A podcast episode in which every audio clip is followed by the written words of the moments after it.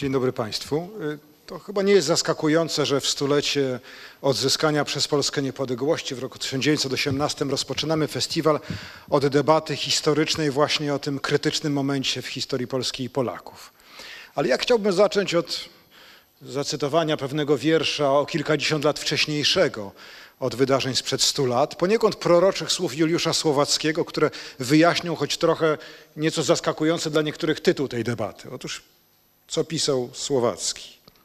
Szli krzycząc Polska, Polska. Wtem jednego razu, chcąc krzyczeć, zapomnieli na ustach wyrazu.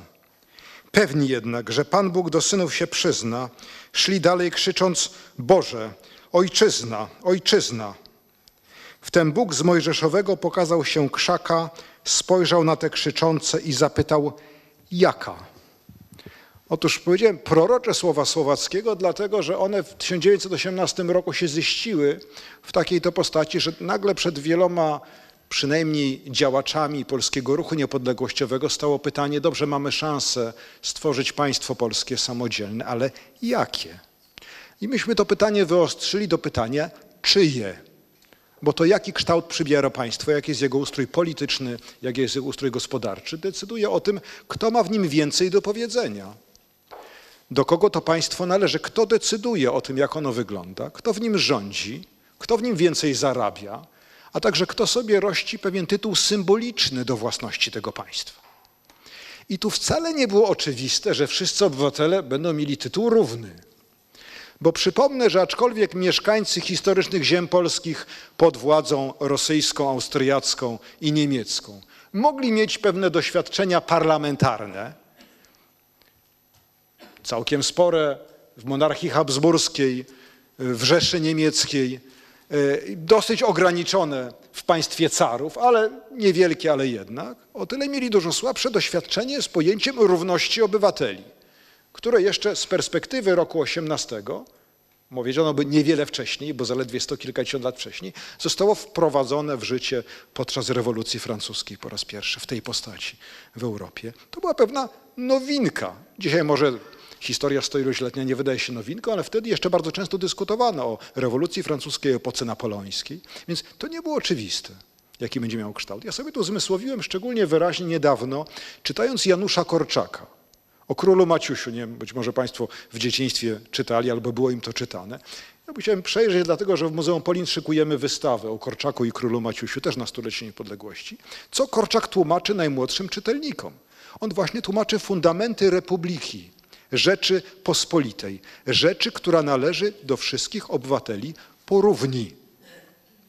Jeszcze niedawno, niewiele wcześniej, przed tym 18 rokiem, niektórzy obywatele, na przykład w habsburskiej Galicji, mieli dużo większy wpływ na wybór parlamentarzystów niż inni obywatele. Posiadacz wielki ziemski w większym stopniu wybierał członków parlamentu niż chłop. Że nie wspomnę o Rosji carskiej, gdzie niewiele mógł w tej sprawie mieć do powiedzenia. Więc to nie było oczywiste. To pytanie, jaka będzie ta Polska, stało się dramatyczne, bo trzeba było podejmować konkretne wybory. A skala możliwych wyborów była wielka. Powiem tylko, że nie wszystkie państwa, które powstały w następstwie I wojny światowej, powstały jako republiki. Kilka powstały jako królestwa. Owszem, z parlamentami, ale jednak jako królestwa. Podobnie była to pierwsza de facto Rzeczpospolita w historii Polski, bo poprzednie były monarchiami z pewnym parlamentem, ale jednak mieliśmy królów. Więc chcieliśmy przypomnieć te dramatyczne wybory, że w 18 roku nie tylko przyjechali ułani pod okienko, owszem ułani byli bardzo ważni, bo ta Rzeczpospolita rodziła się we krwi jeszcze przez następne prawie trzy lata, ale gigantyczny wysiłek umysłowy, prawniczy, intelektualny, a także spory polityczne o tym, jaka będzie ta Polska. A następnie ta Polska była praktykowana na różne sposoby. I takim koronnym przykładem tego sporu o równość obywateli, czyli jest to państwo, jest wybór prezydenta Narutowicza. Wybór prezydenta, jak się okazało, Narutowicza w trakcie dopiero. Podczas tych wyborów parlamentarzyści ze strony Narodowej Demokracji twierdzili, domagali się, żeby prezydenta wybierała tak zwana większość polska. Co to znaczyło? Chcieli wykluczyć mniejszości narodowe. Czyli uznawali, że są obywatele równi i obywatele równiejsi. Narutowicza wybrano głównie głosami partii chłopskich i mniejszości narodowych, ale skończyło się tym, jak wiemy, dramatycznie. – Pierwszy prezydent Rzeczpospolitej został wkrótce potem zamordowany. Więc spory były na tyle poważne, że mogły się zakończyć krwawo, kto więcej decyduje, ale tego sporu na wielu różnych poziomach, w wielu różnych warstwach było tego więcej i o tym chcemy dzisiaj porozmawiać. A żeby na te pytania odpowiedzieć, zaprosiliśmy czworo wybitnych specjalistów od tej epoki. Teraz chciałbym zaprosić ich właśnie do zajęcia miejsca pana Andrzeja Chojnowskiego, zapraszam, wieloletniego pracownika Instytutu Historii Uniwersytetu Warszawskiego, autora wielu prac poświęconych i II Rzeczpospolitej, i PRL, w szczególności zaś Piłsudczykom, kwestii mniejszości narodowych. Zajmował się też dziejami Ukrainy i Izraela, ale to dzisiaj nas mniej interesuje. E, e, pan Maciej Górny, pracownik Instytutu Historii Polskiej Akademii Nauk i Niemieckiego Instytutu Historycznego, zajmuje się studiami porównawczymi nad całym naszym regionem Europy Środkowo-Wschodniej, historiografią tego regionu. I tu tytułem reklamy zaznaczył, że w październiku ukaże się drugi tom e, no, dzieła, y, powiedziałbym, rocznicowego naszej wojny. Pierwszy dotyczył I wojny światowej, a drugi już wyjścia z niej, lat 1917-23.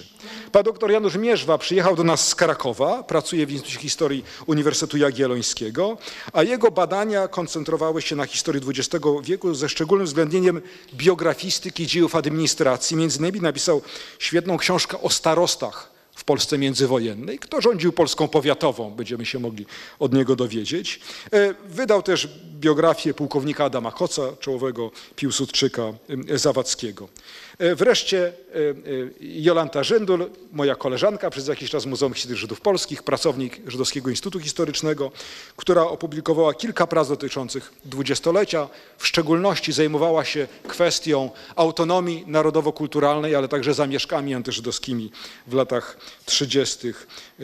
XX wieku, też legendą mordu rytualnego. Także mamy specjalistów od epoki świetnie się na nią znających i za chwilkę zadam im takie ogólne pytanie, streszczające to, co przed chwilą mówiłem, z prośbą, żeby każdy z nich ze swojej perspektywy y, próbował coś o tym powiedzieć. Mianowicie pytanie o to, które grupy w szczególności rościły sobie to prawo własności do, do, do Rzeczpospolitej, do tego, że miałyby więcej do powiedzenia i które faktycznie miały więcej do powiedzenia, na przykład kto częściej mógł zostać ministrem, starostą, oficerem, posłem niż inni, a które y, faktycznie y, czy symbolicznie były marginalizowane w większym, mniejszym stopniu.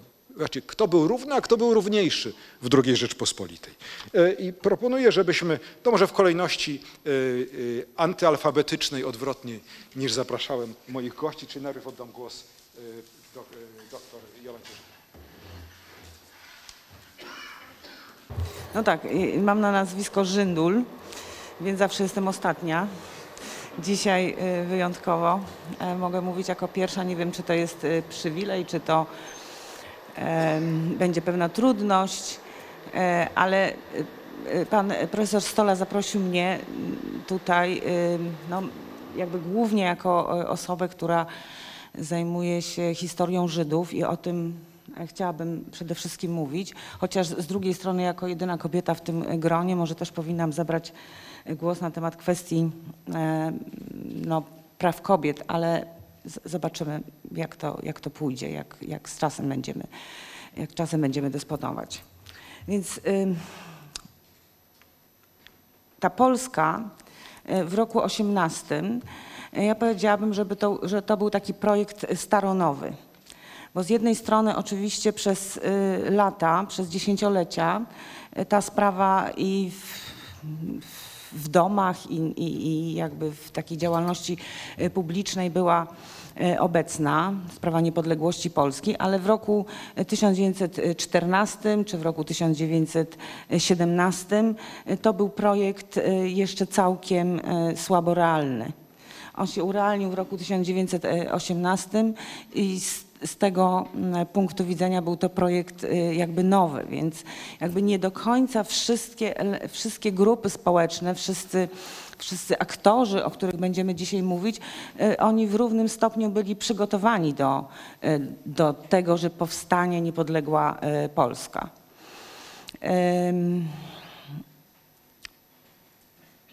I jeżeli popatrzymy na społeczność żydowską, to dla tych trzech milionów Żydów, którzy znaleźli się w granicach państwa polskiego, przynajmniej dla niektórych z nich, to mogło być pewne zdziwienie i pewna pewna em, t- no tak, zdziwienie i taki rodzaj jakby niespodzianki. Ja tu mówię y, o tym, że to, to społeczeństwo żydowskie, czy te, ta społeczność żydowska, to nie była społeczność jednorodna, no była bardzo y, zróżnicowana Y, i w związku z tym też jakby nie można mówić o jakimś jednym y, projekcie na Polskę, żydowskim projekcie na Polskę, jaka ta Polska powinna być. Y, I w związku z tym później też trudno jest y, oceniać z tego punktu widzenia, co ta Polska zrealizowała z tych żydowskich postulatów, jak ona na te żydowskie postulaty y, odpowiedziała. Bo y, nie dla wszystkich było oczywiste, że w ogóle ym, mają, mają być w Polsce, że mają się znaleźć w, w, w, w tym nowym y, państwie, tych y, możliwych y, scenariuszy e, przynależności e, w roku 18 y, było na różnych terenach y, kilka przynajmniej. I na przykład Żydzi wielkopolscy bardzo mocno zasymilowani, no, dla nich ta, ta, ta Polska była rzeczywistością trudną. Oni nie poczuwali się w większości do przynależności do żydostwa polskiego i w roku 18 i wcześniej dużo i jeszcze później y, emigrowali na ziemie rdzennie y, niemieckie. E, Z drugiej strony na, na kresach wschodnich również są grupy żydowskie, które, no, dla których Polska nie jest marzeniem. E, To mówię przede wszystkim o, o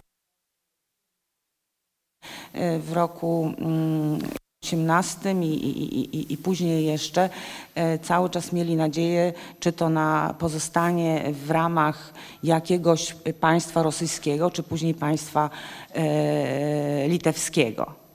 E, po- Podobnie podzielone, e, czy może bardziej nawet niż te dwie grupy, podzielone było, e, po- podzieleni byli Żydzi w Małopolsce Zachodniej.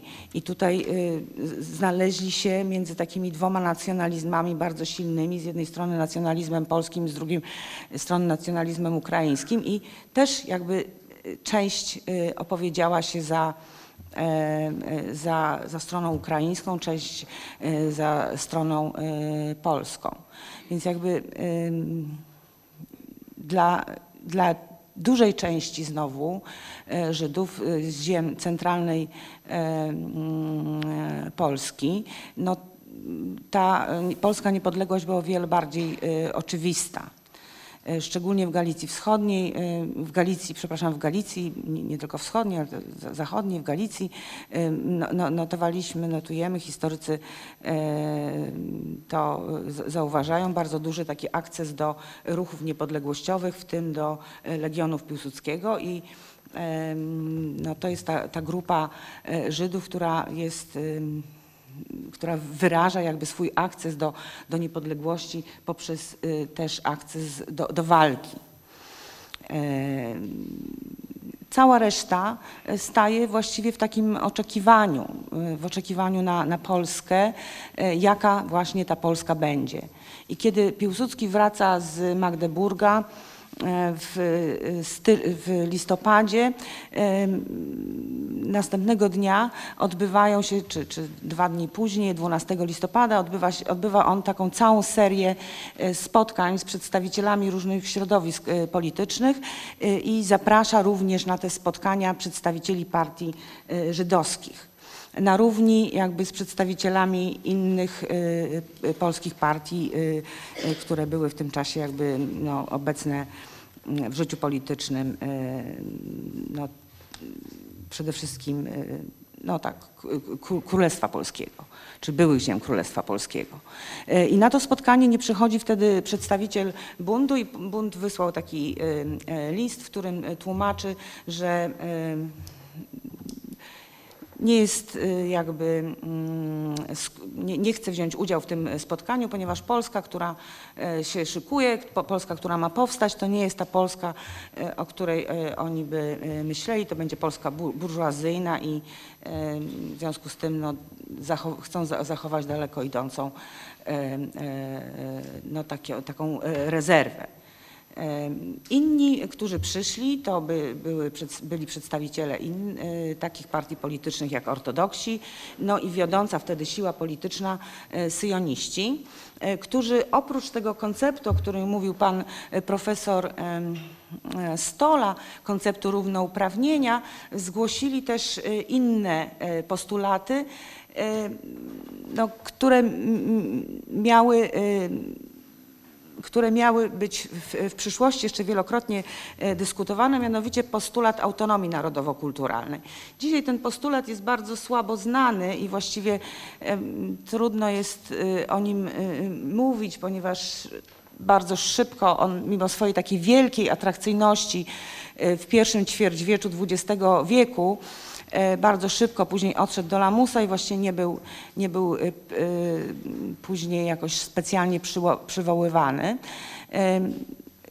Ten koncept autonomii narodowo-kulturalnej e, oprócz e, oczywistego pełnego równouprawnienia e, wprowadzał jeszcze e, e, postulat e, praw mniejszościowych, e, które miały mm, by mieć taki e,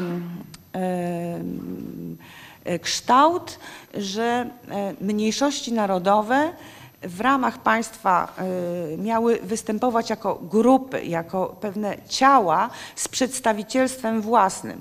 Czyli e, trochę to mm, e, przeczyło takiej zasadzie, e, która została wprowadzona właśnie razem z rewolucją e, francuską, która mówiła o tym, że między e, obywatelem, bez względu na to, jakiego on jest wyznania, a władzą nie ma żadnego szczebla pośredniego, przedstawicielskiego.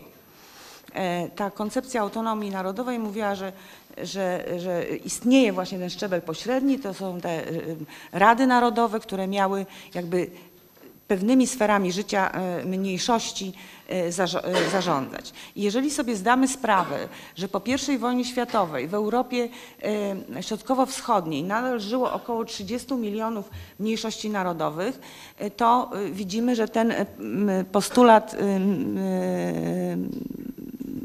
autonomii narodowo-kulturalnej, że on miał, że musiał mieć y, y, popleczników, że musiał mieć zwolenników. I nie tylko tutaj y, społeczność żydowska optowała bardzo silnie za autonomią, ale również społeczność, społeczności niemieckie w różnych krajach Europy mm, Wschodniej. I również Polacy w pewnym momencie jakby w- skorzystali y, z, z, tej, z tej koncepcji, mianowicie na Ukrainie w 1917 roku, kiedy Ukraińska Republika e, Ludowa wprowadziła autonomię, powstała również tam autonomia dla, y, dla mniejszości y, polskiej. Ale oczywiście bycie mniejszością, a bycie jakby, y, a, a sytuacja państwa, które ma mniejszości, to są dwie różne sytuacje i z reguły bardzo łatwo jest narzekać na państwo, będąc y, jakby mniejszością i o wiele trudniej przyjmować y, krytykę, y, kiedy się takie mniejszości jakby na swoim terytorium posiada. Więc jakby tutaj ta, ta, ten koncept autonomii kulturalnej, on bardzo szybko został y, zakwestionowany. Nie dość, że został zakwestionowany przez y, mocarstwa, ponieważ nie zgodziły się one, żeby wprowadzić ten postulat do e, traktatu mniejszościowego, jak i na ziemiach polskich zakwestionowano e, tę e, autonomię podczas e, prac nad e, konstytucją. E, Przyjęto ostatecznie taki system praw indywidualnych. E, Można powiedzieć, że e, w Polsce był to e, system bardzo podobny do tego, co proponowała rewolucja, w jak- w jakimś sensie podobny do tego, co proponowała właśnie rewolucja francuska. Więc ta, ta, ta Polska miała się jawić jako Polska, w której Żydzi będą mogli rozwijać w pełni swoje właściwości narodowe i decydować też o swoich wewnętrznych e, sprawach. E, To, to się nie wydarzyło. Dziękuję bardzo. Ja może tylko dodam, że ten przypadek mniejszości żydowskiej o tyle jest ciekawy, jest takim papierkiem lakmusowym, bo jako jedyna ze znaczących mniejszości II Rzeczpospolitej, a stanowiły one ponad jedną trzecią mieszkańców kraju, nie miała roszczeń terytorialnych. Inaczej niż Ukraińcy, z którymi Polacy musieli toczyć wojnę w Galicji Wschodniej, Nie- Niemcy na Śląsku, Mazurach, przez moment w Wielkopolsce, Litwini na Wileńszczyźnie i nie tylko, Czesi y, na Śląsku Cieszyńskim. Tu tego problemu nie było, a mimo to, jak się i to udawało się, że to jest podstawą do, do, do łatwiejszego ułożenia stosunków, okazało się, że jest to całkiem trudne. E, To teraz w takim razie proszę pana Mierzwę. Dziękuję bardzo panie e, profesorze. Dziękuję bardzo za, za e, zaproszenie do udziału w dzisiejszym spotkaniu. Mm, Pan profesor e, zadał mi jak gdyby szereg pytań, tak? I w kontekście tych pytań e, ja stwierdziłem, że mm, też z jednej strony jak gdyby odpowiedź na pytanie, mm, kto rządził Polską powiatową, to też w jakiś sposób zahacza o problem e, z e, dziejów społecznych, to znaczy kwestia pewnych roszczeń e, do panowania nad, czy wpływania efektywnego na politykę państwa polskiego, w jakiś sposób też się odnosiła do dwóch istotnych grup społecznych, to znaczy problem ziemian oraz chłopów w, w II Rzeczpospolitej. Prawo do tego, żeby w Polsce, o Polsce decydować, tak na dobrą sprawę p- obie te grupy zgłaszały, aczkolwiek e, wychodziły tutaj z e, trochę odmiennych przesłanek. Mm, Ziemiaństwo podnosiło tutaj argument związany z e, swoją rolą na kresach wschodnich i zachodnich, to znaczy jako ci, którzy w warunkach opresji rosyjskiej, opresji e, niemieckiej byli depozytariuszami polskości e, na kresach. E, I w związku z tym, jak gdyby mają prawo do m, odpowiednio większego wpływu na tą politykę m, polską po odzyskaniu przez e, Rzeczpospolitą e, m, niepodległości. Powoływali się także na pewne argumenty, to już w okresie II Rzeczpospolitej natury ekonomicznej, to znaczy, że tak na dobrą sprawę to ich produkcja. To jest produkcja efektywna, to jest produkcja tania, jeśli chodzi o ten koszt jednostkowy, to jest produkcja, która jest nastawiona na eksport, w związku z czym tak na dobrą sprawę od postawy polskiego ziemiaństwa będzie, zależało, będzie zależał bilans e, polskiego eksportu, dopływ e, e, walut obcych. Z drugiej strony były argumenty p- środowisk chłopskich, y, też y, jak gdyby niebagatelne. Pierwszy fundamentalny to jest kwestia tego, że chłopi w realiach II Rzeczpospolitej to jest e, około połowa obywateli II e, Rzeczpospolitej, około 50%, na początku nawet e, nieco ponad. Istotnym argumentem, który w, w takiej narracji, dyskursie publicznym się też pojawiał, zwłaszcza po roku 1920, to jest kwestia tego, że polscy chłopi przeszli w czasie wojny polsko-bolszewickiej taką szybką szkołę uobywatelnienia. Tak? To znaczy na czele państwa stał e, wywodzący się z e, ich środowiska e, Wincenty Witos, e, premier, który wezwał do udziału w obronie e, państwa e, przyobiecał reformę e, rolną i na ten apel jak gdyby środowiska chłopskie w jakiś sposób odpowiedziały. Politycy, chłop, e, politycy chłopscy także w kontekście reformy rolnej podnosili też pewien wątek związany z polityką narodowościową e, w kontekście reformy rolnej, to znaczy jeżeli e, ziemia ma pozostać w polskich rękach, to to powinna być ziemia, która y, zostanie rozdana chłopom, dlatego że chłopi, jako ci, którzy bezpośrednio jak gdyby wkładają w e, e, uprawę ziemi swoje bezpośrednie zaangażowanie, tak, e, traktujący tą ziemię inaczej niż ziemianie, nie jak przedsiębiorstwo, będą z tą ziemią jak gdyby silniej związani.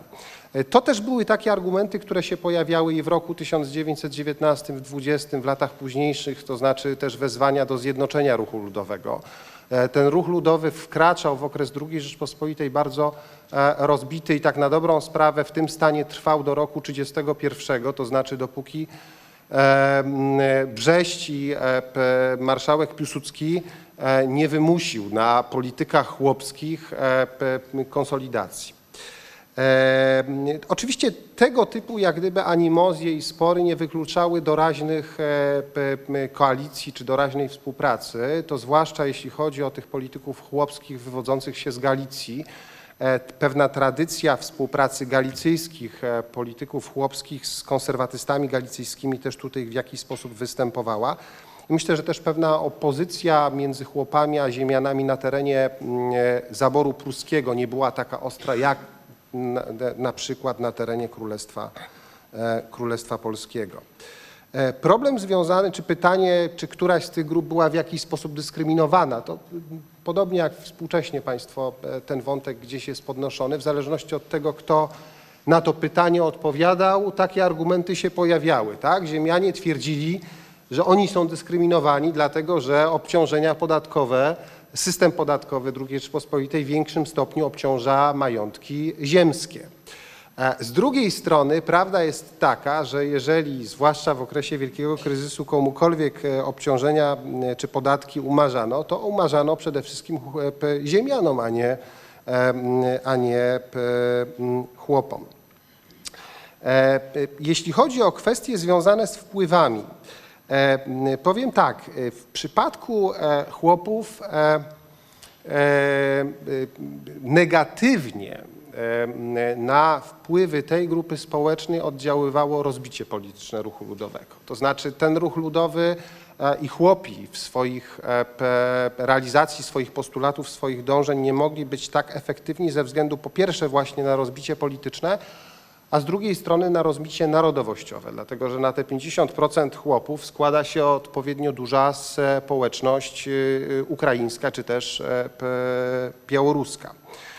E, Ziemianie to są elity. To są elity intelektualne, to są ludzie z wykształceniem, to są ludzie z kontaktami i w związku z tym oni generalnie byli w stanie w warunkach, w realiach II Rzeczpospolitej ze swoimi postulatami e, dotrzeć. E, Pewnie patrząc na całą II Rzeczpospolitą, E, y, to większe wpływy środowiska chłopskie mimo wszystko miały do przewrotu majowego. Tak? To znaczy mimo wszystko jednak system demokratyczny w większym stopniu mógł uwzględniać, tak? zresztą to już chociażby przez trzykrotne premierostwo Wincentego. Witosa, mógł uwzględniać postulaty chłopskie. Em, Ziemianie, ziemianom pewnie lepiej trochę było bezpośrednio po przewrocie majowym. To znaczy mamy taki okres paru e, lat bliskiej współpracy, czy bardzo bliskiej współpracy z obozem e, piłsudczykowskim e, i możliwości efektywnego oddziaływania środowisk konserwatywnych na politykę, m, e, na politykę sanacji. A jak to wyglądało w przypadku Polski powiatowej?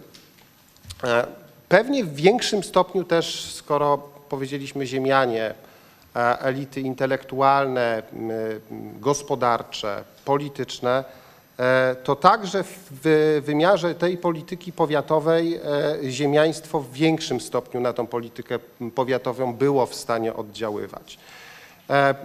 W pewnej mierze pewnie to było związane z faktem, iż te pierwsze elity urzędnicze, starostowie, e, to są właśnie osoby, które, czy starostowie, czyli ci, którzy tak na dobrą sprawę robili politykę powiatową. E, Starosta w okresie dwudziestolecia międzywojennego miał e, zdecydowanie większą e, władzę niż ma współcześnie. Starosta e, w okresie dwudziestolecia międzywojennego to był pan na powiecie. E, W związku z czym w tych pierwszych latach, kiedy myśmy tak na dobrą sprawę w drugą Rzeczpospolitą weszli w zasadzie bez kadr urzędniczych, bo te kadry fachowców, one mogły przyjść tylko i wyłącznie z e, Galicji. M, e, W Królestwie Polskim, na Kresach Wschodnich, na Kresach Zachodnich e, m, rząd starał y, się radzić sobie, pociągając właśnie te elity lokalne do współpracy, ziemian. To jest zjawisko bardzo popularne, zwłaszcza jeśli chodzi o, bardzo dobrze to widać, jeśli chodzi o okresy zachodnie. E, To oni w pierwszej kolejności jak gdyby te stanowiska p- e, przejmują, ale nie na stałe, bo nie są zawodowcami. Zresztą oni też jak gdyby zostawiają te swoje gospodarstwa, majątki rolne i chętnie do nich wrócą. E, Chętnie do nich wrócą, wracają po kilku latach. E, e, p- 19, 20, 21 rok to jest też jak gdyby proces profesjonalizacji administracji. E, W późniejszym okresie oczywiście też e, ci starostowie już fachowi urzędnicy e, bardziej byli skłonni do tego, żeby słuchać e, e, zdania e, ziemian, ale co ciekawe, przy badaniach e, dotyczących wielkiego kryzysu zauważyliśmy tego typu prawidłowość, że jeżeli dochodziło na przykład do sporu między robotnikami rolnymi a ziemianami, robotnicy rolni strajkowali, bo nie dostawali wynagrodzenia od pół roku czy trzech kwartałów, e, to ta władza powiatowa bardzo często, trochę w duchu sprawiedliwości takiej em- elementarnej, tak, stawiała po stronie robotników e, rolnych. No, została nam cała masa różnych, e, różnych grup społecznych. No, Jest nas z tej strony stołu za mało. I skoro mm, byli już chłopi, to, to, to myślę, że trzeba e, pójść ten krok dalej i powiedzieć o robotnikach. Mm, I to jest, i to jest historia, w której ym, być może mm, o mm, o jakimś e, o jakiejś celowym działaniu przeciwko całej grupie społecznej no, nie można mówić, natomiast na pewno można mówić o potężnym rozczarowaniu.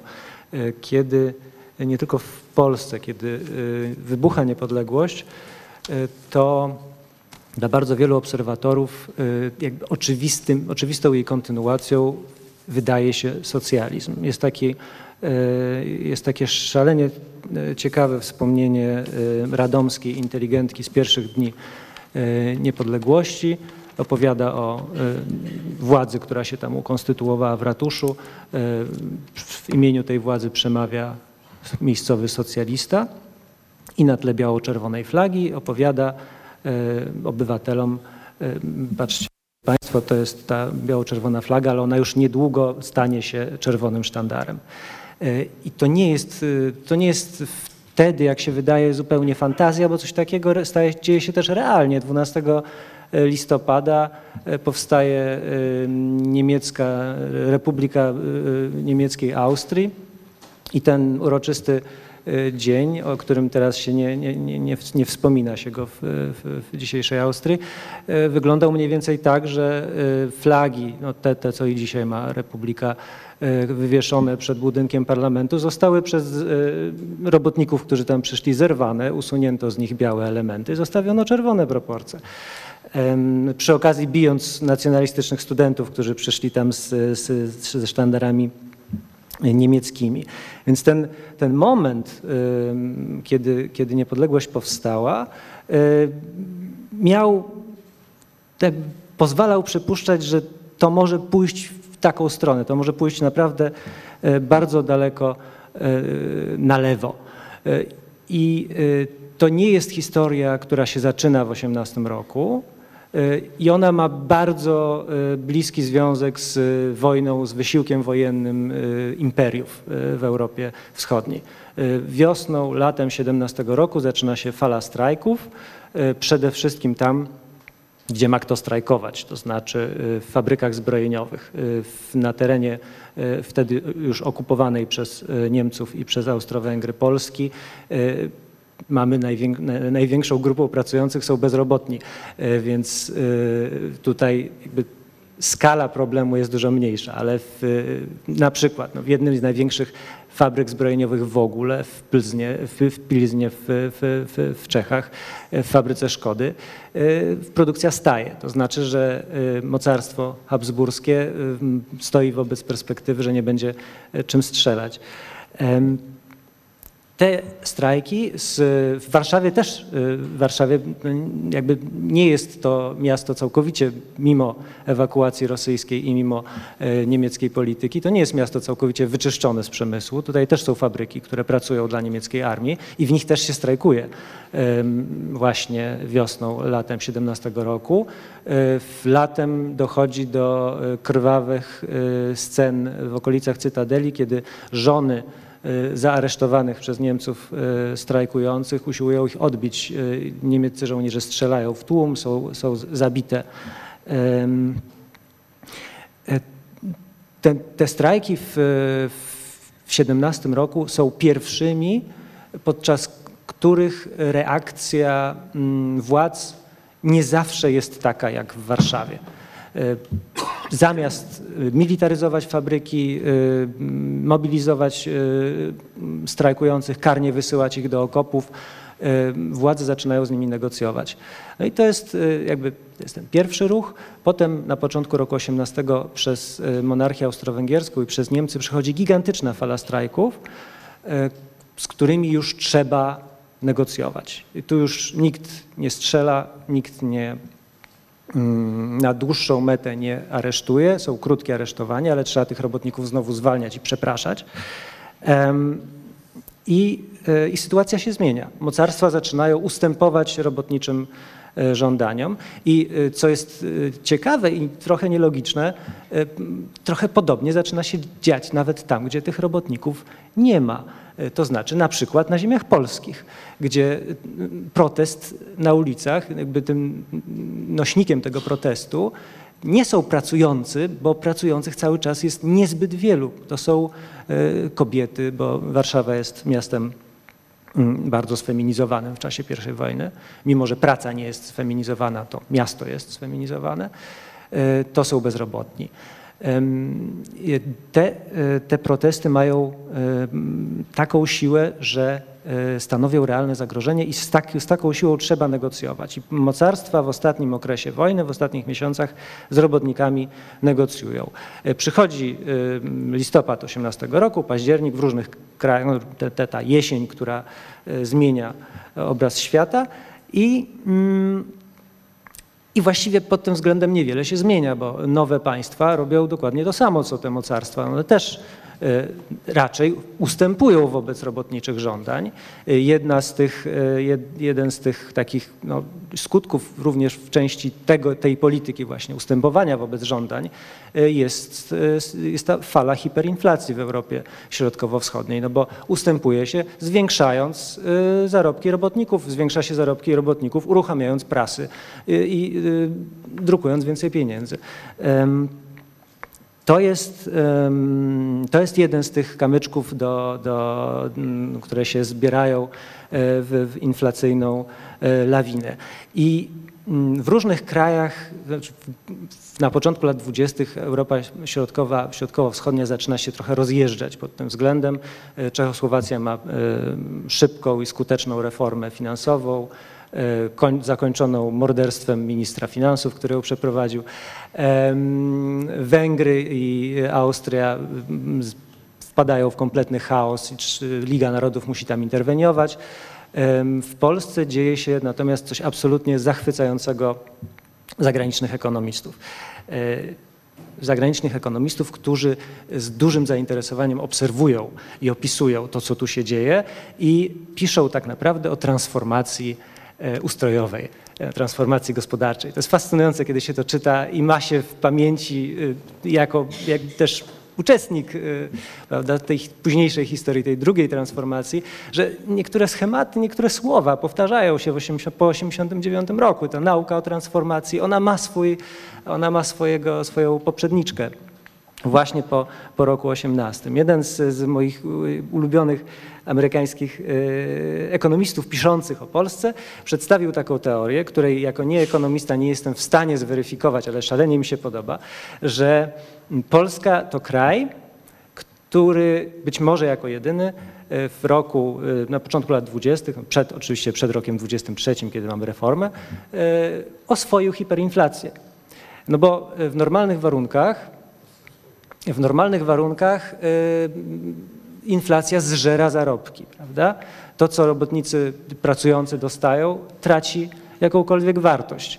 Zanim, czasem zanim oni to jeszcze zdążą wydać. Tymczasem w umowach o pracę zawieranych w tym okresie w polskich przedsiębiorstwach z reguły zaczyna się wpisywać automatyczną podwyżkę o indeks inflacji. E, w ten sposób zabezpieczając przynajmniej częściowo zarobki robotników. Druga sprawa, E, koszty tej, e, tego braku transformacji, no na razie na początku lat 20. to jest cały czas taka no, polityka inflacyjna, która w Polsce przypomina trochę e, ten sabotaż, który Niemcy uprawiały wtedy, drukując bez umiaru pieniądze, którymi spłacały częściowo swoje, swoje reparacje wojenne.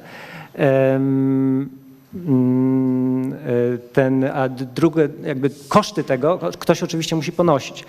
No i częściowo ponoszą je wielcy właściciele ziemscy, ale w bardzo dużym stopniu, i to właśnie dotyczy bezpośrednio tej grupy społecznej, o której mówię, ponoszą je właściciele nieruchomości.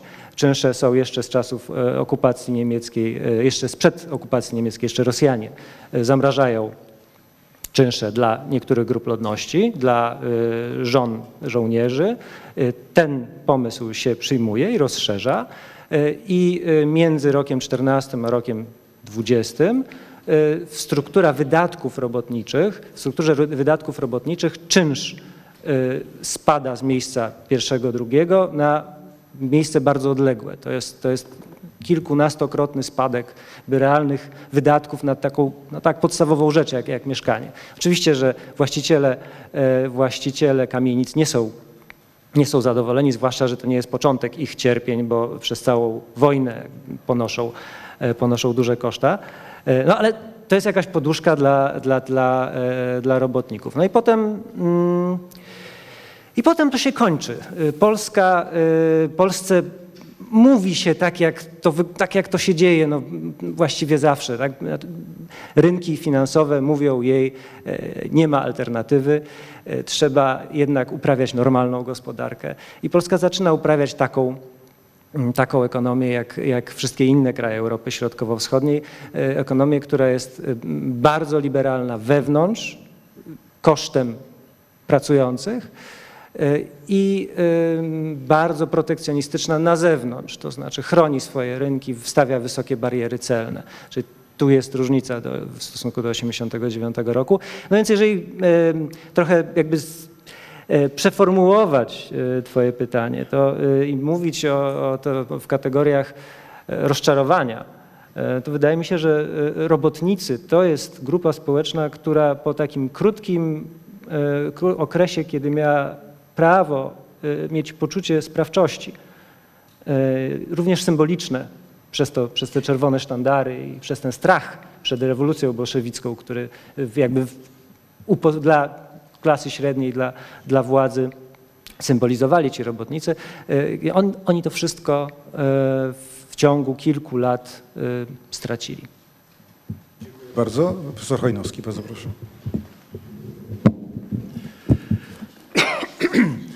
Dziękuję bardzo. E, Proszę Państwa, bardzo, bardzo dawno temu, to się mówi przed wiekami, tam przed zamorzami i tak dalej, ukazała się w Polsce jedna z pierwszych prac, która dotyczyła kwestii agrarnej. E, W połowie lat 50. profesor Czesław Madajczyk napisał książkę, która się nazywała e, Burżuazyjno-obszarnicza reforma rolna i dotyczyła okresu międzywojennego. W tym tytule zawierała się pewna klasyfikacja II Rzeczpospolitej, która zresztą korespondowała z takimi potrzebami, żeby coś właśnie jakimś takim jednym zdaniem ocenić, jakąś etykietkę, to tak proszę potraktować jako żart, ale w, głośnej propagandowej pracy napisanej na polecenie Stalina, która się nazywała Krótki kurs y, partii bolszewickiej, bo o Polsce się mówiło jako o jaśnie pańskiej Polsce. To była taka, jeszcze raz powtórzę, jasna klasyfikacja, że w Polsce międzywojennej dominowali burżua, y, kapitaliści, obszarnicy, ziemianie i tak dalej, i tak. I teraz y, ta kwestia reformy rolnej, o której tutaj już była mowa, jest właśnie takim dobrym punktem, żeby się nad tym przez chwilę zastanowić i rozpatrzyć zasadność takiej klasyfikacji. Otóż reforma rolna w okresie międzywojennym no, wynikała z głodu ziemi na wsi, z przekonania, że trzeba chłopom dać możliwość gospodarowania, że to jakoś tam usprawni gospodarkę, roz, pomoże, pomoże rozwiązać problemy społeczne i tak dalej. No i po wielkich wysiłkach w latach dwudziestych przyjęto odpowiednie ustawy. W 25 roku y, weszła w życie ustawa o reformie rolnej bardzo sensowna z punktu widzenia techniczno-ekonomicznego. Problem polegał na tym, że ona była początkowo przynajmniej realizowana bardzo opieszale. No i teraz dla zwolenników takich jasnych klasyfikacji trochę ideologicznych był to dowód, no właśnie ci ziemianie mieli tak silną pozycję, że oni tę reformę hamowali. Jeżeli się temu przyjrzymy bliżej, to ziemiaństwo w latach dwudziestych straciło właściwie swoją taką przebojowość, nie miało jak gdyby takiego wielkiego wsparcia organizacyjnego w postaci jakiejś własnej partii, albo się musiało wieszać na klamce u narodowych demokratów, a potem u Piłsudczyków. Piłsudski tam kokietował, konserwatystów chciał ich przyciągnąć do współpracy i mimo woli jak gdyby jakoś też się zwracał w stronę ziemiaństwa. Sam Piłsudski tam się tą reformą jako taką niewiele interesował. W jego otoczeniu nie było też polityków, którzy w, w latach dwudziestych by się temu jakoś tam w to zaangażowali. Były ważniejsze sprawy dla tego obozu i ta reforma tak sobie jakoś tam niemrawo y, egzystowała. Ale flirt z tymi konserwatystami Piłsudczyków trwał krótko, parę lat. Na początku lat 30. doszło już do pęknięcia i od 1935 roku sytuacja się zmieniła, y, bo przyszedł do władzy jako minister y, rolnictwa Juliusz Poniatowski, taki dość dynamiczny polityk o takim lekko lewicującym zacięciu i on tą reformę no, zaczął realizować, nie przejmując się specjalnie tam ziemiaństwem i tak dalej rozparcelował to, co było można. To pokazuje, że ten czynnik właśnie w postaci oporu społecznego jakiejś tam warstwy nie był jak gdyby na tyle istotny, żeby przeważył szale. To trochę zależało od innych okoliczności. Druga okoliczność tutaj z tym związana, tutaj pan trochę mówił, ale trochę w innym kontekście, mianowicie, że hamulcem dla mm, realizacji reformy rolnej w Polsce była obawa, reprezentowana dość powszechnie w różnych partiach politycznych, a jak gdyby autorem takiego sposobu myślenia na ten temat był największy z chłopów, czyli Wincenty Witos, który mówił, że ziemia polska może przejść w ręce Polaków, polskiego chłopstwa. No i to powodowało, że mm, oczywiście w dawnych, y, w dawnym zaborze pruskim chętnie y, państwo polskie popierało reformę rolną, ale na wschodzie już nie, bo była obawa, że te polskie majątki zostaną podzielone z korzyścią dla ukraińskiego, czy nie daj Boże, białoruskiego chłopstwa. Więc tutaj widzimy ten drugi motyw, prawda, który już pozycją ziemi, ziemian, ideologią jak gdyby taką klasowo niewiele ma wspólnego. No i trzeci motyw, który tutaj też został poruszony, ale tak w formie mm, niepostawienia może kropki na D, mianowicie, że obawą przed, y, obawa przed y, wprowadzeniem tej reformy rolnej w życie brała się z braku przekonania co do skutków tego posunięcia. Nie tylko mm, to polegało na tym, że wiadomo, jak się ziemię dzieli, no to mniejsze gospodarstwa mm, mogą iść w stronę dalszego rozdrobnienia, prawda? co nie jest ekonomicznie korzystne. Po dzień dzisiejszy mamy skutki uwłaszczenia w zaborze austriackim, prawda, gdzie jeden tam jakiś góral ma 5 hektarów w 70 miejscach, prawda, bo takie były tam podziały rodzinne. No nie może w żaden sposób prowadzić jakiejś sensownej gospodarki. Dzisiaj rolnictwa tam zresztą nie ma.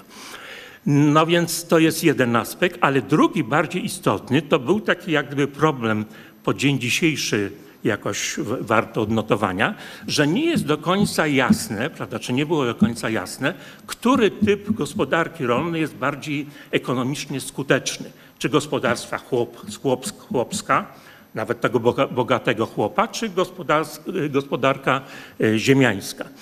Dzisiaj historycy rzadko się do tego odnoszą, a w okresie międzywojennym prowadzono na ten temat bardzo namiętne dyskusje, między innymi w latach 30., kiedy Maria Domorowska napisała tak, taką broszurę, pamflet na ziemiaństwo, które się nazywało Rozdroże i ona mówiła, że ci ziemianie to w ogóle do lamusa, prawda? Oni nie umieją tej ziemi wykorzystać, wydanie z hektara, prawda, i tak dalej jest o wiele niższa aniżeli w gospodarstwach chłopskich.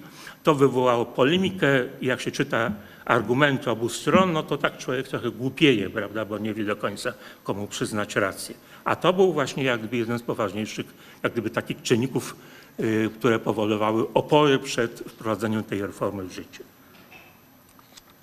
Z tego wynika, że w moim przekonaniu nie da się dokonać takiej jednoznacznej klasyfikacji II Rzeczpospolitej w kategoriach społeczno-ekonomicznych.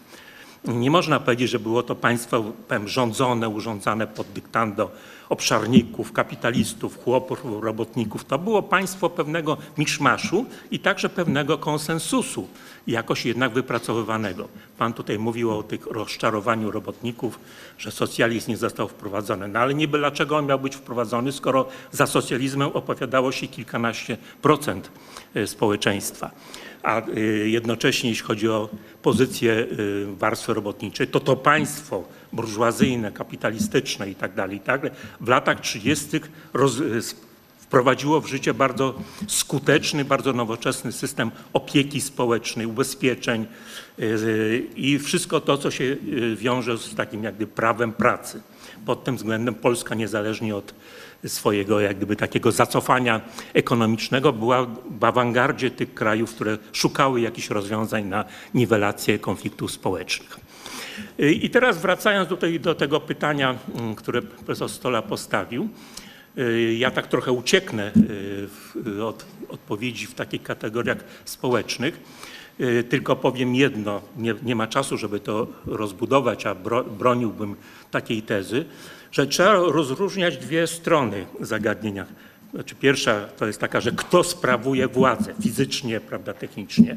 W systemie demokracji parlamentarnej, a taki jednak przez jakąś tam część tego okresu istniał, i także kiedy już sanacja jak gdyby rządziła bardziej dyktatorsko, to elementy tej demokracji jednak pozostały. Y, no, to jest taka wypadkowa różnych czynników, prawda? No, rządzi ten, kto wygrywa wybory, czyli ma jakieś powiązania dobre polityczne, kto ma pewne umiejętności, kto ma układy, znajomości, prawda, czy jest w jakichś tam sitwach i to wszystko jakoś tam się zmienia i to po dzień dzisiejszy widzimy, że taka zasada jest realizowana. Ale to jest, mówię, jeden tylko aspekt zagadnienia, bo władza się najczęściej, a przynajmniej może, może nie najczęściej, ale najrzadziej y, sprawuje po to, żeby coś osiągnąć y, żeby zrealizować jakiś program. To jest y, pewnego rodzaju rzadkość, ale tak jak bywa, że politykom o coś jakoś tam chodzi.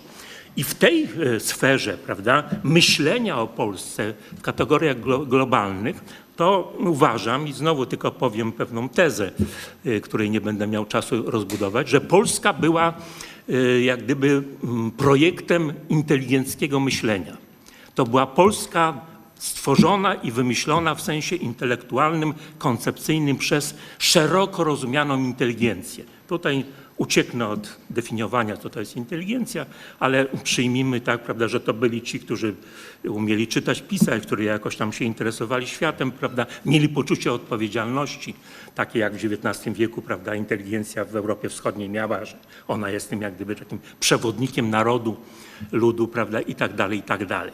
Wincenty Witos, największy z chłopów, prawda, wybitny, wybitna postać, mąż stanu i tak dalej, był niesłychanie sprawnym politykiem, ale żadnego konceptu takiego wizjonerskiego on przecież nie miał. Prawda? A Polska stała przed takim fundamentalnym wyzwaniem, co się ma z tym krajem y, stać. Pamiętajmy to, co tam ostatnio historycy y, dziejów społecznych pokazują. To był kraj liczący około tam powiedzmy 35 milionów, z czego 20 milionów żyło w warunkach skrajnego ubóstwa.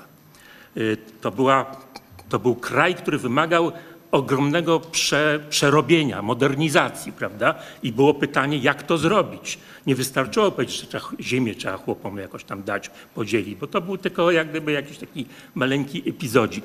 Więc w tym myśleniu o przyszłości Polski to właśnie ta warstwa inteligencka, podzielona, prawda, zróżnicowana, yy, ona odegrała największą rolę. Inteligenci byli takimi po pierwsze sługusami, prawda, wynajętymi do różnych posłów przez partie polityczne. Jak ktoś chciał zrobić karierę, był powiedzmy jakimś tam mm, człowiekiem wykształconym, to zapisywał się do byle jakiej partii, gdzie widział dla siebie szansę. Taki najsławniejszy w anegdocie przykład to jest taki Hipolit Śliwiński, taki czerwony hrabia z Galicji, który zapisał się do stronnictwa chłopskiego, bo uznał, że tam zrobi karierę, więc z tymi chłopami tam naradzał się, pił, sejmikował, posłował i tak dalej, ale wieczorami, kiedy y, już się obrady Sejmu kończyły, to nie mieszkał z nimi w hotelu sejmowym, tylko w hotelu europejskim, bo jak mówił, no z chłopami to on może tam gadać, ale spać z nim w jednym pokoju nie będzie. Yy, Więc to byli tacy wy- wynajęci, prawda, ludzie do, do myślenia, prawda, do działania, bo właśnie umieli czytać, pisać i mieli jakąś tam zdolność przemawiania itd. Ale byli też tacy inteligenci, właśnie myślący o tym, jak gdyby co dalej. To były takie, jak gdyby czasami marzenia, prawda, taka Polska, która jak to mówiono o legionach, ci legioniści z pierwszej, późniejszej, z pierwszej brygady, prawda, że oni jak gdyby tak, jak poeci, prawda, jak tacy malarze, prawda, artyści nie bardzo wiedzieli, jak ży- życie wygląda, ale wymyślili sobie jakąś Polskę. I potem w latach 30. to się powtarzało, prawda, przychodziło nowe pokolenie i też tam wymyślało jakąś Polskę, stąd, prawda, Polska od, y, jako imperium od morza do morza, prawda, konfe- Konfederacja Narodu, prawda, jej żołnierze, którzy już się tam jak gdyby y, nie nastawiali na walkę zbrojną, tylko na czytanie broszur. Więc y, to jest moim zdaniem tutaj bardzo charakterystyczne i temu należy się przyjrzeć, rozpatrując sprawę na kilku płaszczyznach, ale o tym może w drugiej części mojej wypowiedzi. Dziękuję. Bardzo dziękuję. Jak Państwo widzą, tu ujawnił się szereg paradoksów. E, Powstaje państwo na tym obszarze Europy, który jest, no, ma, ma wielki potencjał rewolucyjny, e, jest wstrząsami społecznymi e, poruszany już przynajmniej na rok czy na półtora roku wcześniej, przed tym listopadem 18 roku. Kraj, którego naczelnikiem zostaje socjalista, jednak Piłsudski do tego momentu mówił do swoich kolegów, panie towarzyszu, y, którym się wiesza czerwone sztandary. Kraj, w którym chłopi, w tym pamiętam mój dziadek, bo mi sam o tym wspominał, na hasło rzucone przez Witosa wolność albo niewola, z, wstępują w szeregi armii czegoś, czego jeszcze przed chwilą nie było i zatrzymują robotniczo-chłopski rząd Rosji bolszewickiej na linii Wisły w 20 roku. Y, a bardzo się cieszę, że profesor Chojnowski wspomniał o inteligencji, bo z kolei nie jestem specjalistą, ale ilekroć się przyglądam II Rzeczypospolitej, mam takie wrażenie, że na koniec końców zawsze się kończyło na tym, że jakiś inteligent w tym urzędzie zasiadał i coś prowadził. I przypomina mi się anegdota o ministrze Skrzyńskim, ministrze spraw zagranicznych bodajże, którego posłowie y, y, y, z partii ludowych atakowali, że tak mało snów chłopskich, chłopskich do dyplomacji przyjmuje. Powiedział tak, że głównie przyjmuje Harabiów i Żydów, bo znają francuski. I, ale to by też świadczyło o takim rodzaju merytokracji biurokratycznej, obejmujących bardzo niewielką warstwę osób wykształconych, w sensie wykształconych takich, które jakąś wykształcenie uniwersyteckie miały. Ich było naprawdę niewiele. Jak tu żeśmy słyszeli, połowa e, obywateli to byli chłopi, z czego znaczna część to byli chłopi ubodzy. I aczkolwiek oni się dzielili językiem czy wyznaniem, niemniej pod względem społecznym, no to było to gigantyczne wyzwanie, które przez cały czas stało w okresie wielkiego kryzysu, kiedy nożyce cen y, tą kwestię nasiliły. To tak naprawdę dla kogo to, to jest dobre państwo? I znowu mi się przypomina Korczak, który mówi y, w Królu Maciusio, że chodzi o to, żeby wszystkim było dobrze.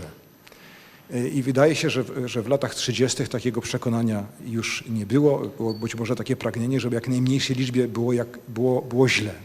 I tu właśnie chciałbym w drugiej turze już naszych krótszych wy- y, wystąpień, po pierwsze być może Państwo coś chcą się odnieść do siebie nawzajem, ale spojrzeć jaka była tendencja, w którą stronę ta Rzeczpospolita się toczyła, jeżeli chodzi o względny wpływ na kształt państwa, na rządzenie, y, y, y, na, na wpływy y, od, od tego niejasnego momentu wyborów, kiedy przyszłość jest jeszcze otwarta, do takiej sytuacji, kiedy zarówno ustrój, jak i to, kto nią rządzi, jest dosyć spetryfikowane już 20 lat później. Też bym prosił, bo rzeczywiście y, y, profesor Żyndul wspomniał, ale potem jakoś nam gdzieś zaginęły kobiety. I tak przypomnę, Polska jako jeden z pierwszych krajów wprowadziło prawo wyborcze równe dla kobiet, co jednak było pewną nowością, y, godna rzecz do odnotowania. Tylko pytanie, czy to praktycznie potem było, było stosowane. Więc po pierwsze, jaką tą Rzeczpospolita ma tendencję, a drugą, y, gdyby Państwo jeszcze ws- wspomnieli właśnie, y, y, jeżeli chcecie coś dodać, o roli chłopów i być może jak ona na tle innych krajów europejskich wyglądały te tendencje? Czy, czy Polska była wyjątkowa, jeżeli tak pod jakim względem, bo jakim względem po prostu dzieliła los innych krajów, zwłaszcza Europy Środkowo-Wschodniej? To może teraz y, y, dla, dla odmiany w, y, anty, w, alfabetycznej kolejności, czyli zaczniemy od profesora Chojnowskiego. Dziękuję bardzo. Ja się odnoszę, odniosę do jednej kwestii, czy do jednego aspektu tego pytania. E, No, Polska była elementem jednak systemu szerszego systemu wers wersalskiego. Można się dzisiaj tam wyśmiewać e, z tych polityków, którzy siedzieli w Paryżu i układali nową Europę, że byli ignorantami, że tam nie wiedzieli o czym mówią. To nie jest do końca prawda. Swój rozum mieli i ten system wer wersalski się opierał na pewnych pryncypiach ideologicznych, światopoglądowych i jednym z elementów tego mm, jak gdyby nowego ładu miało być właśnie pójście w kierunku społeczeństwa mm, równego, prawda? Takiego, gdzie właśnie prawo wyborcze, powszechne prawo wyborcze jest tym jak gdyby takim regulatorem mm, właśnie wszystkich problemów, wszystkich jak gdyby y, elementów funkcjonowania rzeczywistości. Y, Jak wiemy na początku okresu międzywojennego ta demokracja, no, mniej czy bardziej powierzchowna, y, demokracja parlamentarna została właściwie wszędzie wprowadzona, mówię z pewnymi tam wyjątkami. Dość szybko ona została zakwestionowana, bo już w latach dwudziestych doszło do szeregu przewrotów y, antydemokratycznych, zamachów stanu i tak. W Polsce najsłynniejszy tego przypadek, no to jest przewrót majowy Piłsudskiego, ale ja bym mm, tutaj już zostawiając ten problem na uboczu jako dość dobrze znany, powiedział, że ten porządek był kwestionowany potem w dalszej y, polskiej rzeczywistości, przynajmniej mm, na trzech płaszczyznach, czy z trzech jak gdyby wychodząc z założeń myślowych. Pierwszy, tak, pierwsza taka płaszczyzna to jest myślenie, no właśnie to, które dało o sobie znać w momencie zakwestionowania przez część y, opinii publicznej wyboru Narutowicza na prezydenta Rzeczpospolitej. No bo mm, tutaj się zderzyły dwie racje, prawda? Pierwsza, no, że w, demokracji wszyscy mamy równe prawa i możemy wybierać prezydenta, a druga y, racja taka właśnie nacjonalistyczno y, no, nacjonalistyczna, prawda, która mówiła, że tylko Polacy powinni mieć prawo decydowa- pełni praw politycznych decydowania o przyszłości tego państwa. Y, To, mm, co się stało w 22 roku, było wielką tragedią, hańbą dla y, tamtejszej mm, rzeczywistości, ale nie nabrało charakteru jak gdyby trwałego, systemowego. Przypomnę, że kilka dni po zabójstwie Narutowicza, no ta sama mniejszość, ta sama grupa w Sejmie, prawda, łącznie z posłami mniejszości narodowych, wybrała Wojciechows- Wojciechowskiego prezydentem, a potem Mościcki no, też został wybrany przez to samo Zgromadzenie Narodowe. Później w latach 30. poja- pojawiły się takie pomysły, które mm, się jakoś tam mm, objawiły, taką agresją działania, prawda? Część narodowej demokracji mówiła, że trzeba tam Żydom zwłaszcza odebrać wszelkie prawa polityczne. Usiłowano wprowadzić właśnie zasadę numerus clausus i numerus nullus, czyli wyeliminowania jak gdyby Żydów czy ograniczenia ich możliwości studiowania. To były właśnie takie pomysły, które kwestionowały zasadę równości, wychodząc z płaszczyzny myślenia nacjonalistycznego. Ale to nie była jedyna, prawda, jakaś taka y, sfera kontestacji demokracji. W latach 30., i tutaj znowu wracam do tego myślenia inteligenckiego, pojawiła się koncepcja Polski takiej jak gdyby mm, dla weteranów niepodległości, dla ludzi zasłużonych. Czyli ci, którzy bardziej się zasłużyli w walce o niepodległość, mieli otrzymać większe prawa polityczne. Nieważne, jakie byłyby szczegóły tutaj tych rozwiązań, które proponowano, to była taka Polska dla tych, którzy mieli te różne ordery, prawda, medale na, na piersiach i z tego tytułu teraz powinni czerpać prawa do większego wpływu na rzeczywistość.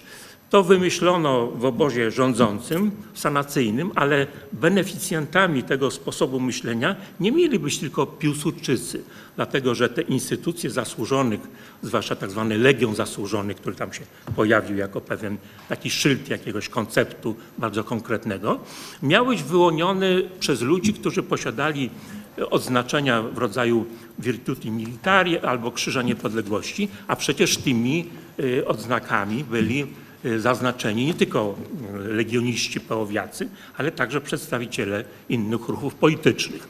Więc to była ta Polska kombatancka, prawda, jako pewien taki projekt na przyszłość, która oczywiście nie miała większej racji bytu, prawda, dlatego że ci ludzie, którzy walczyli w czasie I wojny światowej, no, starzeli się, wymierali, prawda, i w związku z tym to nie miało wielkich perspektyw. I wtedy się pojawiła y, kolejna, jak gdyby taka próba zanegowania równości porządku demokratycznego, która wychodziła właśnie z tego klucza, jak gdyby nie, niepodległościowego, ale arebur. Mianowicie w latach 30. pojawiły się takie pomysły, żeby zmienić całkowicie ordynację wyborczą na takiej zasadzie na przykład, by pełne prawo mm, bierne i czynne w wyborach do Sejmu mieli tylko ludzie poniżej 35 ro- roku życia. Natomiast Senat mieliby wy- wybierać ci staruszkowie. Prawda? E, Przekonanie, które legło u podstaw tego myślenia, było takie, że skończą się już wkrótce te wszystkie stare spory ideologiczne, polityczne, prawda? Tam czy Piłsudski, czy Dmowski mieli rację, przychodzi nowe pokolenie i ono powinno tym krajem rządzić. Oczywiście to nie, nie miało być pokolenie jednolite w sposobie myślenia, prawda? Zróżnicowane oczywiście i tak dalej, ale ten czynnik właśnie tej wspólnoty pokoleniowej tutaj był y, bardzo istotny, na- najistotniejszy. Z tego nic nie wyszło, prawda, bo sanacja mocno się jak gdyby tam trzymała przy władzy, ale w moim przekonaniu, gdyby nie katastrofa 1939 roku, to to pokolenie Polski niepodległej usiłowałoby jakoś pewne swoje ambicje przełożyć na język konkretów, bo ono się czuło takie trochę zduszone, prawda? Yy, Nie było konsekwentne, prawda, bo niby się ta młodzież jakoś tam buntowała, ale jednocześnie yy, Piłs- Piłsudskiemu i Dmowskiemu oddawano cześć, yy, więc jak gdyby nadal traktowano ich jako takich patronów, oni tam jak gdyby już prawie umierający, ale trochę rządzili umysłami także i tego młodego pokolenia, ale tutaj istnieje właśnie jakaś taka, moim zdaniem, szansa, że to odegrałoby y, rolę w tym, co się jak gdyby robi y, w tym urządzaniu Rzeczpospolitej. I tutaj na zakończenie tak anegdotycznie, mm, no, to właśnie to pojęcie równości jest, y, było kwestionowane, prawda? ale z równością to trochę jest jak w tej anegdocie, która opowiada, jak to w Stanach Zjednoczonych, czy kraju superdemokratycznym, y, znany pisarz Francis Scott Fitzgerald był przekonany, że milionerzy, wielcy potentaci finansowi to są trochę jakoś odmienni niż tacy zwykli śmiertelnicy, że jakoś, jakoś są ulepieni z innej gliny. Ernest Hemingway poświęcił wiele czasu, żeby go przekonać, że jest w błędzie i mówi mu, słuchaj, no przecież tacy sami ludzie, prawda, chorują, nieszczęśliwie się zakochują i tak mają jakieś tam problemy ze sobą, są niezrównoważeni. No tak, tak sami, prawda. Na co Sk- Scott Fitz- Fitzgerald w końcu powiedział, no ale wiesz Erneście, oni chyba jednak są inni niż my. Jak to inni? Mają więcej pieniędzy. Dziękuję bardzo. Bardzo dziękuję Maćku. Wydaje mi się, że mm, ta dyna- dynamika rozwoju, zmiany społecznej w, w II Rzeczypospolitej jak wynika w dużej mierze z tego, jak e, olbrzymie oczekiwania towarzyszyły narodzinom tego państwa. Y, Ta kwestia, o której, i ta kwestia, o której profesor Hojnowski teraz mówił, i, i ta, o której żeśmy w ogóle nie powiedzieli, to znaczy kwestia kobieca, y, to też bardzo dobrze pokazują, że jednym z takich podstawowych oczekiwań było, że powstanie państwo sprawiedliwe, ponieważ te, które upadają, sprawiedliwe nie były. Ym, Profesor mówił o, o tym, o pomysłach na to, jak, za, jak usankcjonować przywileje pewnych grup e, weteranów wojennych. Y, Przy tym jakby zupełnie automatycznie pozostawiamy y, na marginesie tych, którzy na zakręcie historii wypadli z, z, z, z, naszego tramwaju, czyli weteranów, którzy nie walczyli za Polskę i których w tym kraju była cała masa. I ten kraj, znaczy druga Rzeczpospolita, na różne sposoby systematycznie pogarszała ich sytuację finansową i symboliczną. Y, I to jest jakby trwały, y, ciągły e, ciągłe zjawisko. To nie jest coś, co raptownie zmienia się w 26 roku czy, czy, czy w latach 30.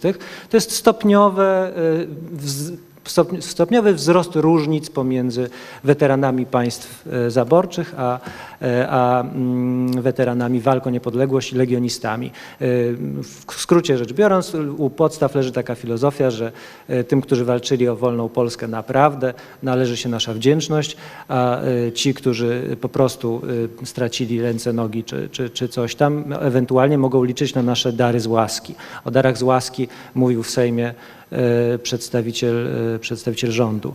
E, I e, ten, ten taki kontrast pomiędzy oczekiwaniami a tym, co Rzeczpospolita przyniosła, to jest też doświadczenie e, kobiet polskich. W czasie I wojny, e, jeszcze w 17 roku e, w Warszawie, nie tylko w Warszawie, dochodzi do zorganizowanych przez polityczne reprezentacje kobiet e, do, do, do kongresów, do, do zjazdów i hasło uobywatelnienia kobiet przebija się do mainstreamu polityki. To przestaje być, e, przestaje być hasło oryginalne. Pojawia się zresztą nie tylko u nas, bo to odpowiadając na Twoje, e, Darku, zapotrzebowanie, to jest e, regionalne, to nie jest, to nie jest tylko polska sprawa.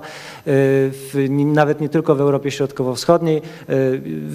Są dwa zupełnie sprzeczne sposoby argumentowania z tym, samym, z tym samym wnioskiem. Wnioskiem jest to, że kobietom należy nadać prawa wyborcze albo ze względów pacyfistycznych, ponieważ popatrzcie Państwo, jest jeden kraj w Europie, w którym kobiety mają już prawa wyborcze, to jest Norwegia i szczęśliwym trafem Norwegia nie bierze udziału w tej głupiej wojnie, nikt nie ginie. Jakby kobiety rządziły, nie byłoby być może e, tej rzezi.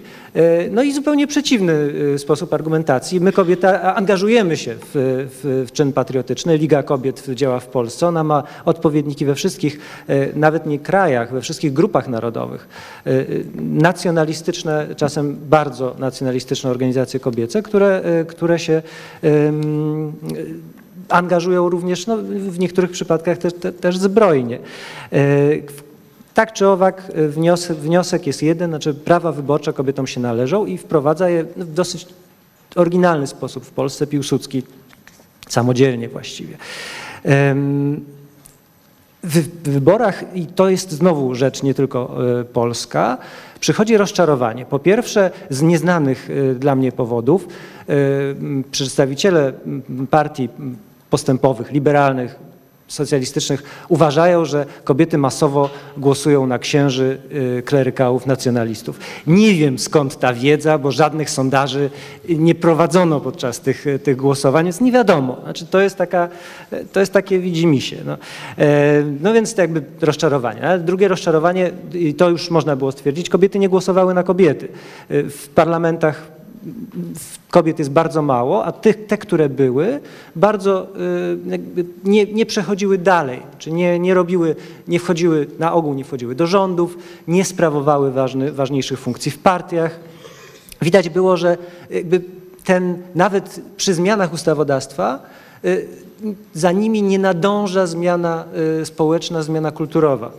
Y, Nie nadąż, zmiana ustawodawstwa tak naprawdę też nie nadążała, bo Poniekąd też dlatego, że kobiet w parlamentach prawie nie było. Y, Ustawodawstwo y, w szczegółach spóźniało się za postulatem y, równouprawnienia. Ustawodawstwo regulujące prawa kobiet do, do opieki nad dzieckiem w przypadku rozwodu, do, do po, posiadania, do występowania w sądzie jako, jako strona. To wszystko w różnych krajach Europy Środkowo-Wschodniej przychodzi późno i co więcej, pojawia się nawet backlash. Jest, w, taki, jest taka austro-węgierska, austro-węgierską tradycją w stosunku do kobiet pracujących, których jakby ważna grupa to były nauczycielki, e, była, była taka ustawa, e, było, ta- było takie prawo, które em, odbierało im pracę w przypadku zamążpójścia. Jakby Ustawa, o- jakby prawo ce- celibat nauczycielek. I, Państwo czechosłowackie ten celibat zniosło. W- na, na początku lat dwudziestych. To był wielki sukces e, zorganizowanych czechosłowackich organizacji kobiecych. Na Śląsku, znaczy w województwie śląskim, celibat nauczycielek wprowadzono w 1926 roku. Dzieją się rzeczy naprawdę, naprawdę przedziwne. No i dosyć wyraźnie widać też, gdzie się otwierają jakieś tam możliwości dla kobiet. Te nauczycielki czeskie, które, które wylatują z pracy natychmiast, kiedy ich koledzy wracają z frontu, e, lądują na Słowacji, gdzie z pracy wyrzucono węgierskich nauczycieli, ktoś musi uczyć słowackie dzieci. E, To są, to są te takie możliwości, które się, e, które się otwierają. I temu wszystkiemu towarzyszy również takie głębokie głębokie rozczarowanie postawą młodych kobiet, bo zmieniają się ideały, zmienia się styl życia. Te starsze pokolenie emancypantek bardzo często uważało, że szczytem kobiecych aspiracji jest edukacja, wyższe wykształcenie. No i teraz przychodzą piękne lata 20, e, 30 i te młode kobiety nie spełniają wszystkich oczekiwań i pojawia się w, jakby w samym ruchu kobiecym frustracja zachowaniem e, młodego pokolenia. Czyli e, ta historia, historia, historia kobiet, o której żeśmy byli, po, powinni powiedzieć e, bliżej początku, pokazuje, że jak bardzo dużo, bardzo, bardzo na sposób odbierania tego kraju wpływa tempo zmiany, oczekiwanej zmiany. Po, początkom niepodległości towarzyszą wielkie oczekiwania e, rzeczywistość najczęściej za nimi nie nadąża. E, Dziękuję. Ja, znaczy mnie się generalnie wydaje, że to pojęcie, które tutaj już parokrotnie się pojawiło, e, rozczarowania, tak, słowo rozczarowanie, to jest słowo pewnie oczywiście związane z dużymi e, oczekiwaniami na samym początku, ale ono w zasadzie myślę dobrze charakteryzuje p- nastroje pewnie większości społeczeństwa e, polskiego, dlatego że e, na pewno rozczarowane e, tą rzeczywistością z różnych względów były mniejszości narodowe. Myślę, że spora część społeczeństwa polskiego. Chłopi tak.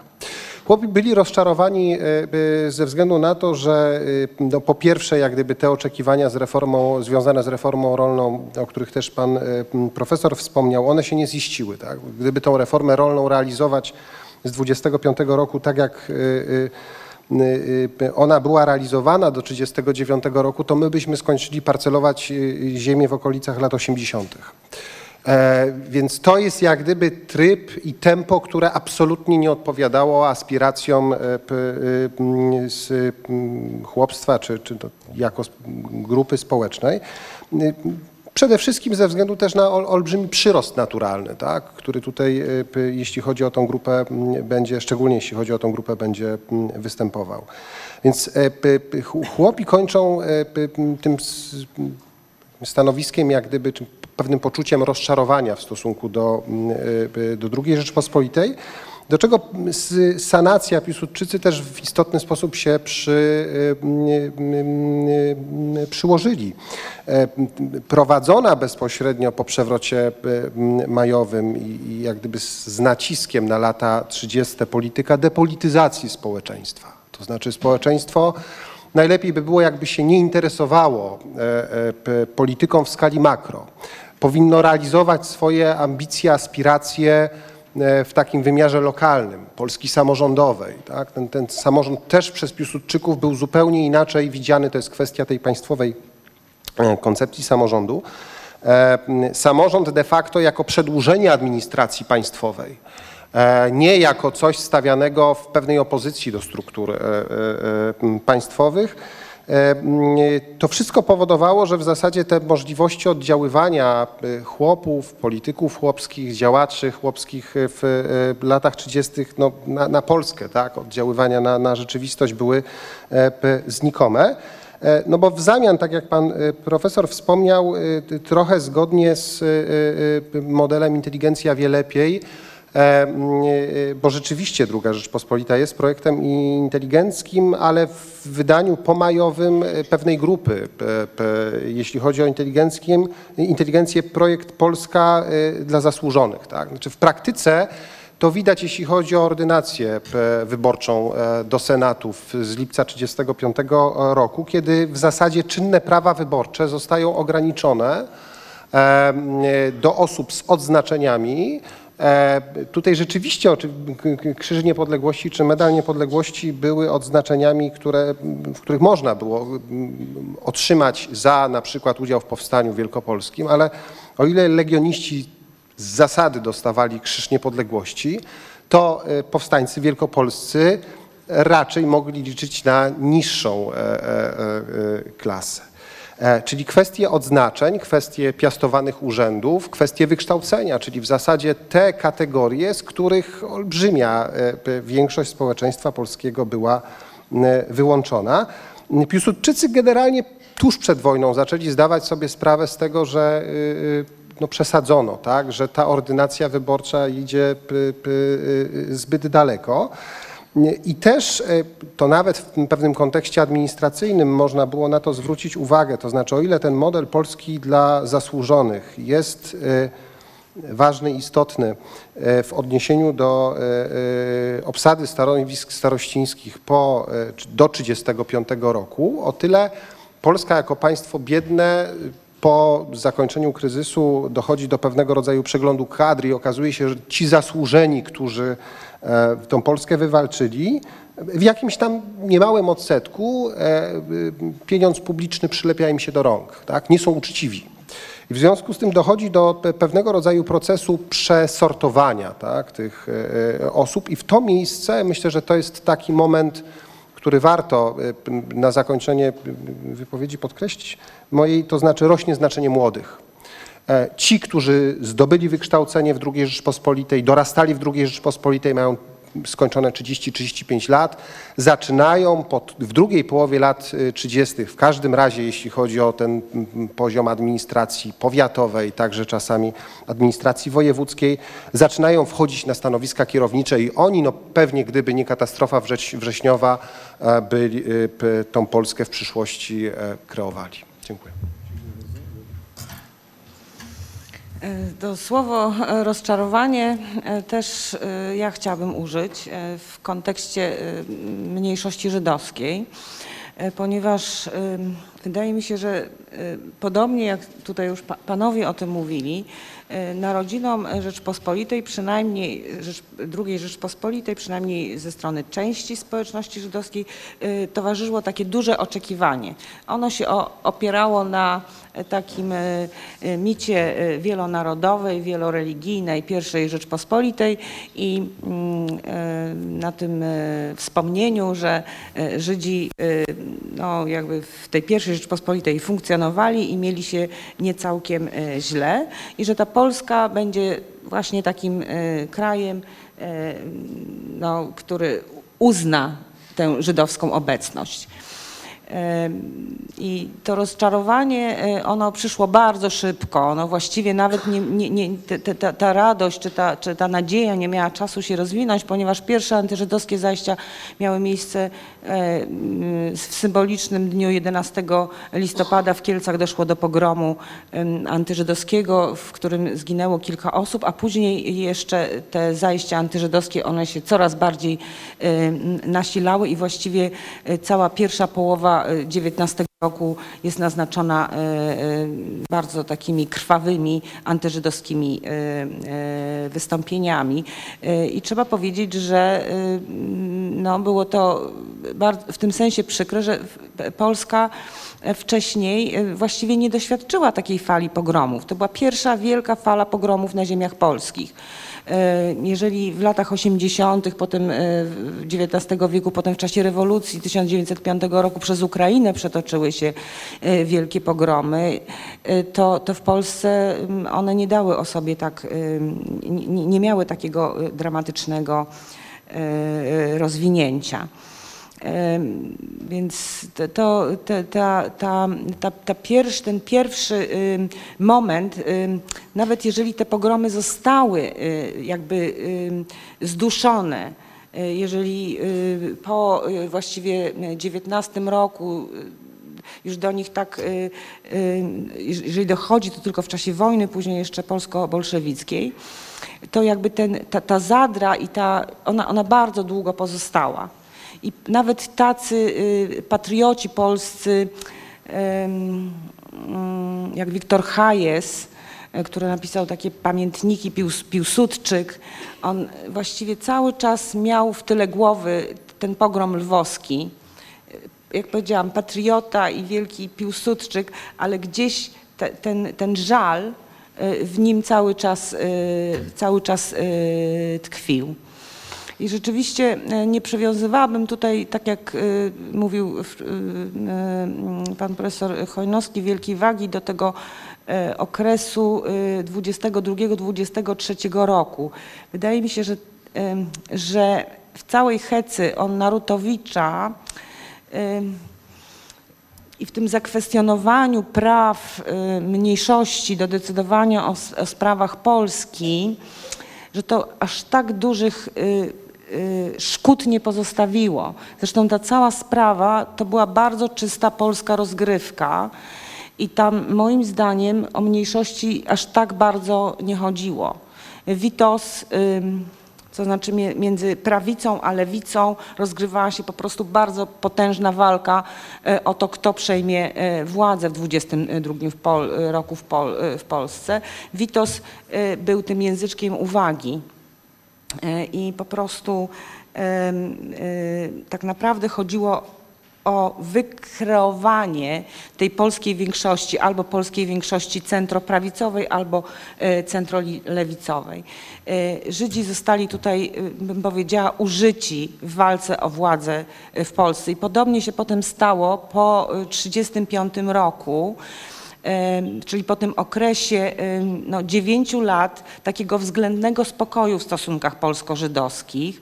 E, Piłsudski jednak e, w swoich działaniach nie dopuszczał do e, takich jakby antyżydowskich wystąpień i był to no, najlepszy okres w stosunkach polsko-żydowskich, ale po 1935 roku e, znowu jakby narodowa demokracja, e, próbując dojść do władzy i jakby używa po raz drugi właściwie tego oręża e, antysemickiego, żeby rozhuśtać nas, nastroje społeczne i jakby przejąć kontrolę nad, nad, na, nad, e, nad krajem. Oczywiście jest to już e, zupełnie inna rzeczywistość.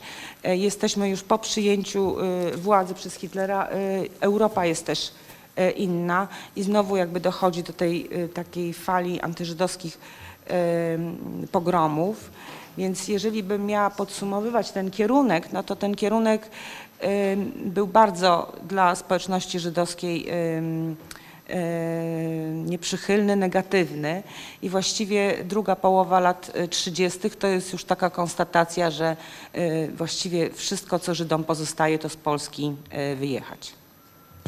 E, Dziękuję bardzo. E, w- koleżanka wspomniała o Europie na sam koniec, o dojściu Hitlera do władzy, bo jak słyszymy o takiej tendencji do zawodu i chłopów, i mniejszości, i weteranów różnych armii i tak dalej, to dobrze jest sobie spojrzeć, co się w ogóle dzieje w Europie. W Europie dzieje się tak, że e, demokracje jedna po drugiej upadają, zwłaszcza w Europie Środkowo-Wschodniej pozostaje ta nieszczęsna Czechosłowacja e, jako przykład, że można było inaczej.